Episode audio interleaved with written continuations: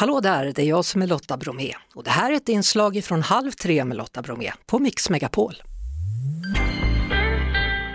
I helgen så spelade ju legendariska hårdrocksbandet Kiss på Tele2 Arena i Stockholm. Kunde ju ha varit en, en vanlig inom citationstecken Kiss-konsert. Men för dig Katti så blev det en alldeles speciellt hallå.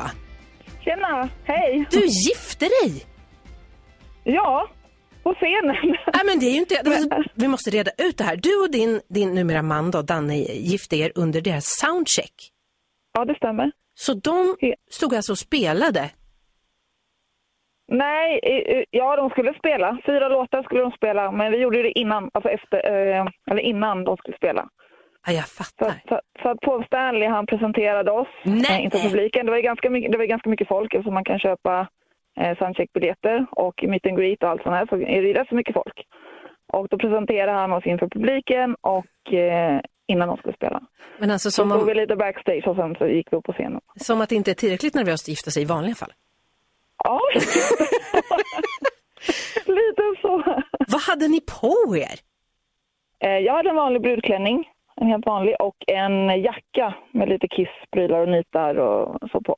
Och Danne hade svarta byxor och en lila skjorta. Lila, det är ju Paul Stanleys färg, så den tyckte han var passande. Och en kavaj och en kisslips. Men hur kom ni på det här? Eh, idén föddes efter att vi hade varit på Gene Simmons, eh, han hade ett event 2018. Då förlovade vi oss inför Gene Simmons. Ah, Och då tänkte vi bara göra det liksom med honom ba- backstage, men hans sina ba- manager då tyckte att vi skulle göra det på scenen. Så det blev lite ungefär samma sak. Och dagen efter när vi träffade alla våra kompisar och folk eh, som känner oss, så sa de, hur ska ni toppa det här? Och då, eller, Ja. måste, man, måste man det? Eh, sådär. Men sen när vi körde hem dagen efter så började vi prata och diskutera. Ja, vad hade inte varit bättre än på scenen med Kiss? men vad Men då blev sa... det, det blev ju inte riktigt så, men och sen pratade vi med Eric och Tommy som spelade i Kiss och så pratade vi med dem på ett event de hade på Hard Rock Café i Madrid 2018 också. Och de bara, oh wow, vad häftigt, vad coolt. Så ta kontakt med Doc och eh, deras manager då, Doc. Så det gjorde vi. Men det här, det här, alltså ni måste ju, alla stora event i ditt liv sen måste ju någon i Kiss vara med på känner jag. Ja, vi får bjuda in dem. Exakt, när du fyller jämnt eller om, om ni får barn eller om ni köper hund eller någonting, då måste någon i Kiss vara med där och titta.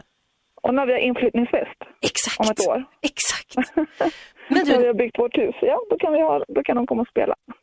stackars grannar, eller grattis grannar kanske. jag vet inte. Du, jag vet att ni Mm. fick ett speciellt bröllopscertifikat eh, efter den här vigseln också. Berätta lite, vad var det för någonting? Eh, medlemmarna, alla fyra, skrev på eh, på pappret. Så vi har deras namnteckningar och det är original för att eh, vi tog två kopior. Så att de fick skriva på två och ett skickas iväg till Skatteverket eller vad det är.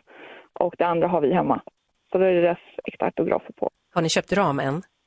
Nej, Nej, måste göra så det. det får vi göra. Det får vi göra. Upp på väggen Ja, men det här är ju helt i galet. vår, i vår kissamling. Du, Det är nu, lite, sista frågan här. var Kiss med på bröllopsnatten också eller var ni själva?